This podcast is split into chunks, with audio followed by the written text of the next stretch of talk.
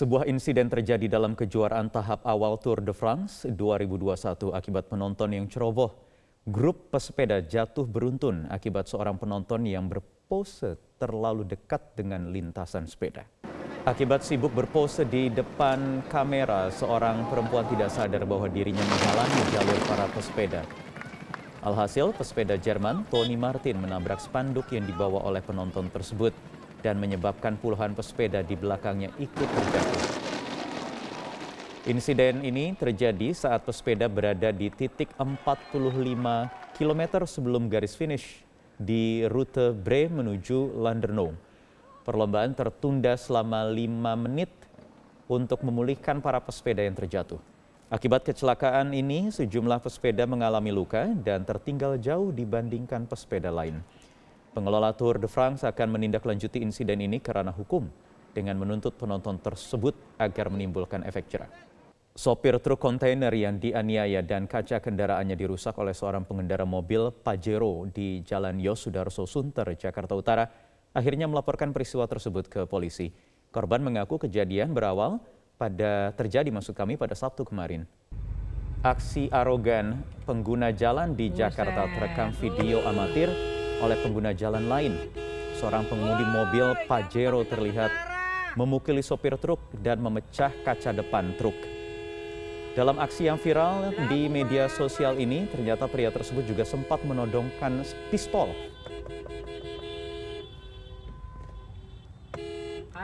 Meski sempat dilerai warga, pria tersebut kembali memecahkan kaca depan truk sambil mengumpat.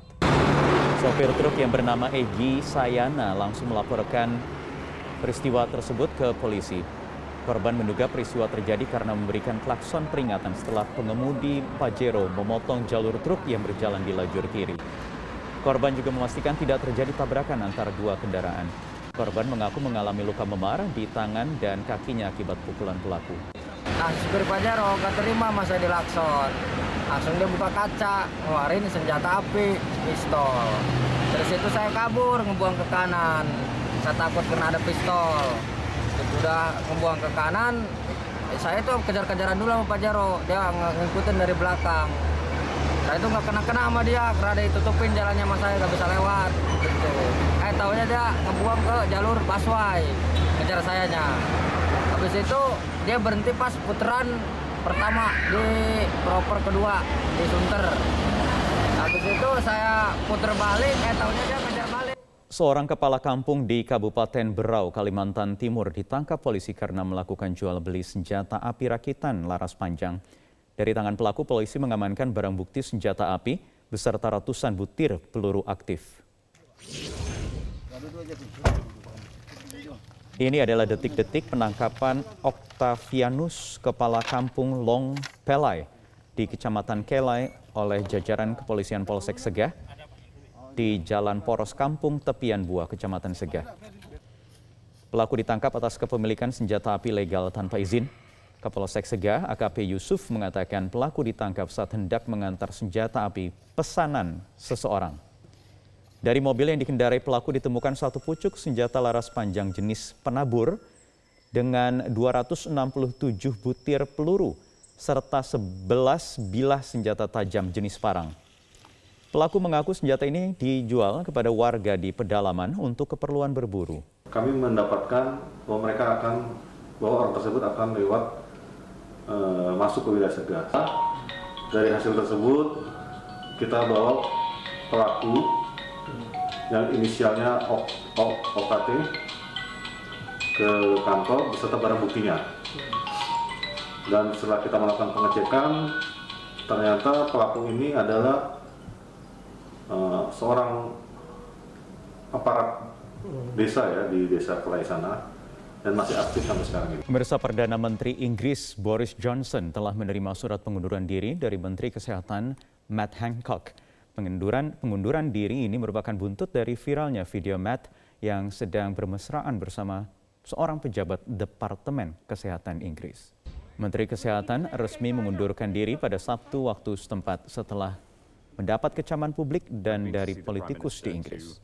Dalam video unggahannya di Twitter, Hancock menyampaikan permintaan maafnya karena melanggar protokol kesehatan dan tidak menjadi contoh yang baik di masa pandemi.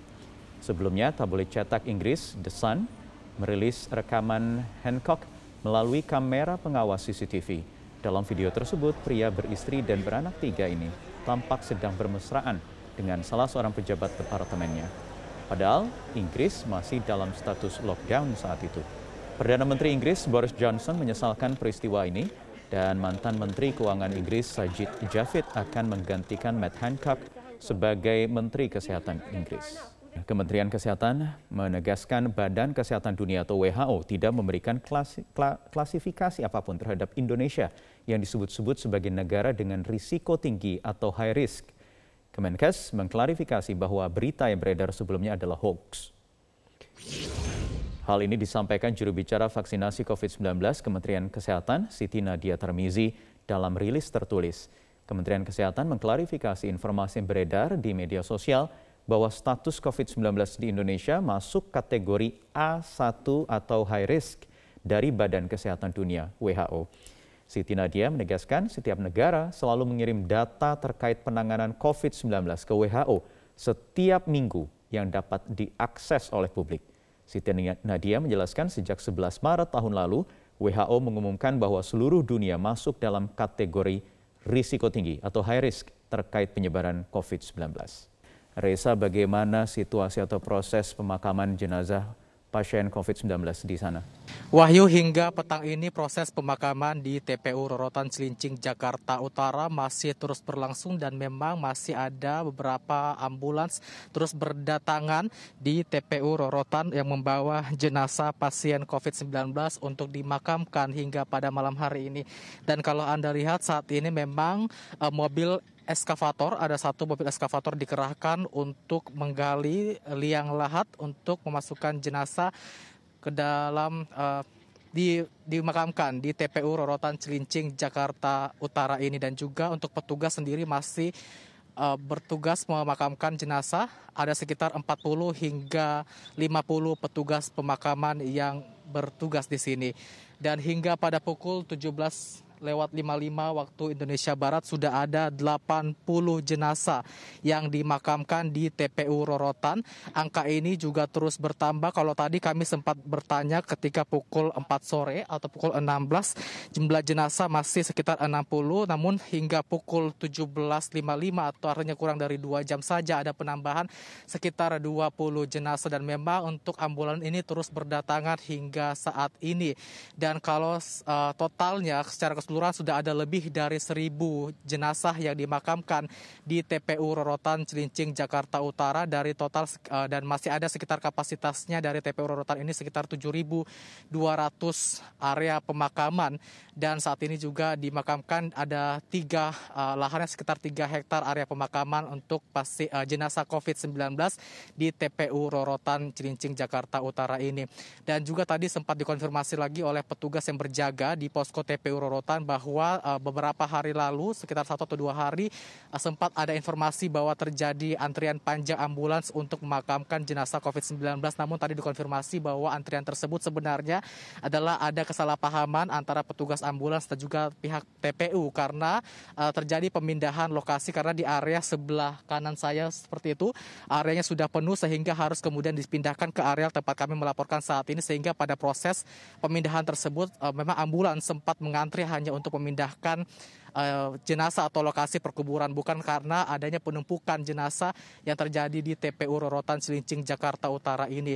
Dan saat ini pun pula kami juga melihat atau memantau sejak pagi hari tadi hingga pada malam hari ini bahkan kurang dari sejam begitu Wahyu ambulans terus berdatangan membawa peti jenazah. Bahkan ada satu mobil ambulans yang uh, tidak hanya membawa satu peti jenazah atau bahkan ada yang membawa sampai dua peti jenazah. Dan kami juga memantau sejak pagi hari tadi juga bahwa keluarga korban uh, atau keluarga jenazah maksud kami ini terus berdatangan juga untuk melihat prosesi pemakaman dari sana keluarganya di area pemakaman ini. Cuman memang kami mengkhawatirkan karena memang jarak antara uh, para uh, keluarga jenazah yang melihat untuk proses pemakaman ini cukup dekat dari lokasi pemakaman sehingga ini juga cukup mengkhawatirkan sehingga dari petugas pun juga mengingatkan agar keluarga jenazah ini tidak terlalu dekat berada di areal pemakaman. Wahyu. Ya, Reza, dengan tingginya beban para pekerja di TPU Rorotan ini, bagaimana cara kerja mereka membagi shift kerja harian mereka? Wahyu tadi kami sempat konfirmasi kepada petugas yang ada di posko dan juga para petugas pemakaman yang ada di TPU Rorotan Cilincing Jakarta Utara ini. Mereka mengatakan sebenarnya tidak ada shift yang pasti untuk pelaksanaan penguburan penguburan di TPU Rorotan ini mereka hanya akan bekerja secara bergantian. Tadi kami sempat mewawancarai kembali Darsiman yang tadi sempat disiarkan begitu bahwa Darsiman sudah bekerja selama 20 tahun menjadi petugas eh, penguburan atau pemakaman. Namun baru kali ini dia menghadapi proses pemakaman yang cukup banyak bahkan perharinya bisa lebih dari 20 eh, bahkan 30 yang harus dia makamkan hingga eh, pada saat ini di TPU Rorotan Cilincing Jakarta Utara. Bahkan tadi juga dia mengatakan masih membutuhkan beberapa bantuan. Kalau untuk makan dan juga minum logistik lainnya ini masih dirasakan tercukupi. Namun para petugas pemakaman ini membutuhkan sejumlah fasilitas. Di antaranya adalah fasilitas sholat, kemudian air bersih dan juga WC yang mereka butuhkan ketika berada di wilayah ini. Dan juga mereka tadi sempat mengatakan dan juga uh, mengkhawatirkan kondisi mereka karena uh, sebenarnya mereka tidak mengkhawatirkan untuk proses pemakaman dari jenazah karena sudah sesuai dengan protap protap yang diterapkan ya ini dengan adanya uh, sesuai dengan prosedur atau protokol kesehatan. Namun yang mereka khawatirkan dari para keluarga jenazah yang memang datang dan cukup dekat berada dengan areal mereka sehingga mereka merasa khawatir akan tertular virus corona justru dari keluarga jenazah yang uh, tiba atau datang ke TPU Rorotan ini dan berikut kita simak pernyataan selengkapnya dari uh, Darsiman seorang petugas pemakaman di TPU Rorotan Cilincing ini. Yang paling saya khawatirkan kalau ada pengantar yang terlalu dekat dengan kita. Karena virus itu kan biasanya lewat udara, lewat yang hidup bukan yang meninggal. Karena kalau yang meninggal kan uh, saya percaya diri karena sudah diprotap, sudah di plastik lah. Dari jenazahnya sudah dibungkus plastik, terus petinya pun dibungkus plastik. Yang khawatirnya itu sama pengantar. Darsiman juga mengaku bahwa sudah mulai bekerja sejak pukul 7 pagi hingga pukul eh, di berakhirnya sekitar pukul 8 hingga pukul 9. Meski merasa khawatir dengan kondisi saat ini, namun Darsiman mengaku ini menjadi tugasnya sebagai petugas pemakaman di TPU Rorotan dan berharap bahwa eh, kasus ini tidak semakin banyak sehingga tidak semakin memakan korban karena baru terasa bahwa saat ini sudah banyak sekali jenazah yang dimakamkan di TPU Rorotan sejak sekitar dua minggu atau sebulan terakhir ini pada saat uh, pasca lebaran begitu kasus COVID sudah mulai kembali meningkat. Pelantikan Bupati Majene di rumah jabatan Gubernur Sulawesi Barat memicu kerumunan. Meski telah digelar secara terbatas dengan protokol kesehatan, warga berdesak-desakan untuk berfoto bareng bersama Bupati dan Wakil Bupati. Inilah suasana pelantikan Bupati dan Wakil Bupati Majene, Andi Syukri Tamalele dan Aris Munandar di rumah jabatan Gubernur Sulawesi Barat di Kabupaten Mamuju. Awalnya pelantikan oleh Gubernur Sulawesi Barat sudah menerapkan protokol kesehatan COVID-19. Pelantikan dilakukan secara terbatas dan dihadiri oleh undangan dan disiarkan secara langsung secara daring. Namun setelah pelantikan, sejumlah warga ingin bertemu bupati dan wakil bupati mereka tanpa menerapkan protokol kesehatan. Mereka berkerumun di depan pintu masuk dan hendak berfoto bersama dengan bupati dan wakil bupati. Pihak keamanan beberapa kali mengingatkan warga untuk menjaga jarak, namun hal tersebut tidak diindahkan. Pengelola RSUD Bekasi, Jawa Barat mendirikan sejumlah tenda darurat untuk menampung pasien COVID-19 yang terus berdatangan. Hingga minggu siang, angka bed occupancy rate di RSUD ini telah mencapai 93 persen. Total ada lima unit tenda yang didirikan di area RSUD Bekasi dengan kapasitas maksimal 100 pasien setiap tendanya. Yang juga dilengkapi dengan 10 hingga 20 alat infus serta tempat tidur. Tenda darurat ini didirikan untuk pasien yang akan melakukan proses screening awal sebelum mendapatkan penanganan perawatan lebih lanjut. Hingga minggu siang sudah ada 374 pasien yang dirawat dengan kapasitas tempat tidur hanya sekitar 400 unit saja. Sehingga tingkat keterisian tempat tidur telah mencapai angka 93 persen. Kondisi ini melampaui batas standar WHO dengan tingkat keterisian tempat tidur di angka 60 persen. Di sejumlah daerah pemirsa antusiasme warga mewarnai vaksinasi massal yang digelar oleh pemerintah setempat maupun juga TNI dan Polri. Namun antusiasme warga yang tidak terkendali ini dikhawatirkan dapat memicu kerumunan dan menimbulkan klaster baru COVID-19. Untuk meningkatkan antusias masyarakat menerima vaksin, dua tokoh Avengers, Iron Man dan Captain America muncul di tengah kegiatan vaksinasi massal di Kabupaten Sidoarjo, Jawa Timur. Tak hanya Avengers, superhero lokal seperti Gatot Kaca dan paranormal Mbah Bejo juga turut mengajak masyarakat untuk waspada COVID-19. Munculnya superhero ternyata cukup menghibur warga yang sedang antri vaksinasi. Bahkan tidak sedikit warga yang meminta foto bersama. Vaksinasi massal yang digelar di Polsek Sindang Barang, Cianjur, Jawa Barat, peminatnya ternyata membludak hingga empat kali dari target awal. Bahkan warga yang lokasinya jauh rela diangkut menggunakan cator atau kendaraan motor roda tiga. Sebelumnya, kepolisian menargetkan untuk melakukan vaksinasi terhadap 150 orang. Namun kini petugas hampir kewalahan untuk menyiapkan 600 dosis vaksin tahap pertama. Mundur ki, mundur ki sedikit, mundur ki. Eh, halo. Jaga jarak. Ibu, ibu, ibu, jaga jarak ibu. Halo, tetap patuhi protokol. Warga di Polewali Mandar, Sulawesi Barat sangat antusias untuk mendapatkan vaksinasi COVID-19. Namun antusiasme warga tidak dapat terbendung sehingga membuat kerumunan baru di Puskesmas PK Bata. Meskipun pihak kepolisian telah menghimbau warga untuk menjaga jarak, namun ratusan warga tetap memilih untuk berkerumun karena takut kehabisan vaksin COVID-19. Untuk mengurai kerumunan, pihak puskesmas terpaksa membatasi nomor antrean bagi penerima vaksin. Artinya kan suruh jaga jarak. Sudah berkali-kali suruh jaga jarak, tapi namanya antusiasnya masyarakat takut dia tidak dapat uh, vaksinasi hari ini. Keadaan seperti itu. Sama dengan di Gunung Gadis kemarin tuh semakin diatur, semakin diatur lagi, semakin merapat lagi. Pemerintah TNI dan Polri tentunya harus mampu mengendalikan antusiasme warga untuk menerima vaksin COVID-19. Sebab jika kerumunan terus terjadi, maka akan timbul klaster baru dan justru membuat angka positif COVID-19 semakin melonjak. Untuk menekan angka penyebaran COVID-19, puluhan warga antusias mengikuti vaksinasi massal yang digelar di Kabupaten Sika, Nusa Tenggara Timur. Sementara itu di Kabupaten Mojokerto, Jawa Timur, ratusan warga rela mengantri berjam-jam untuk mendapatkan vaksin COVID-19.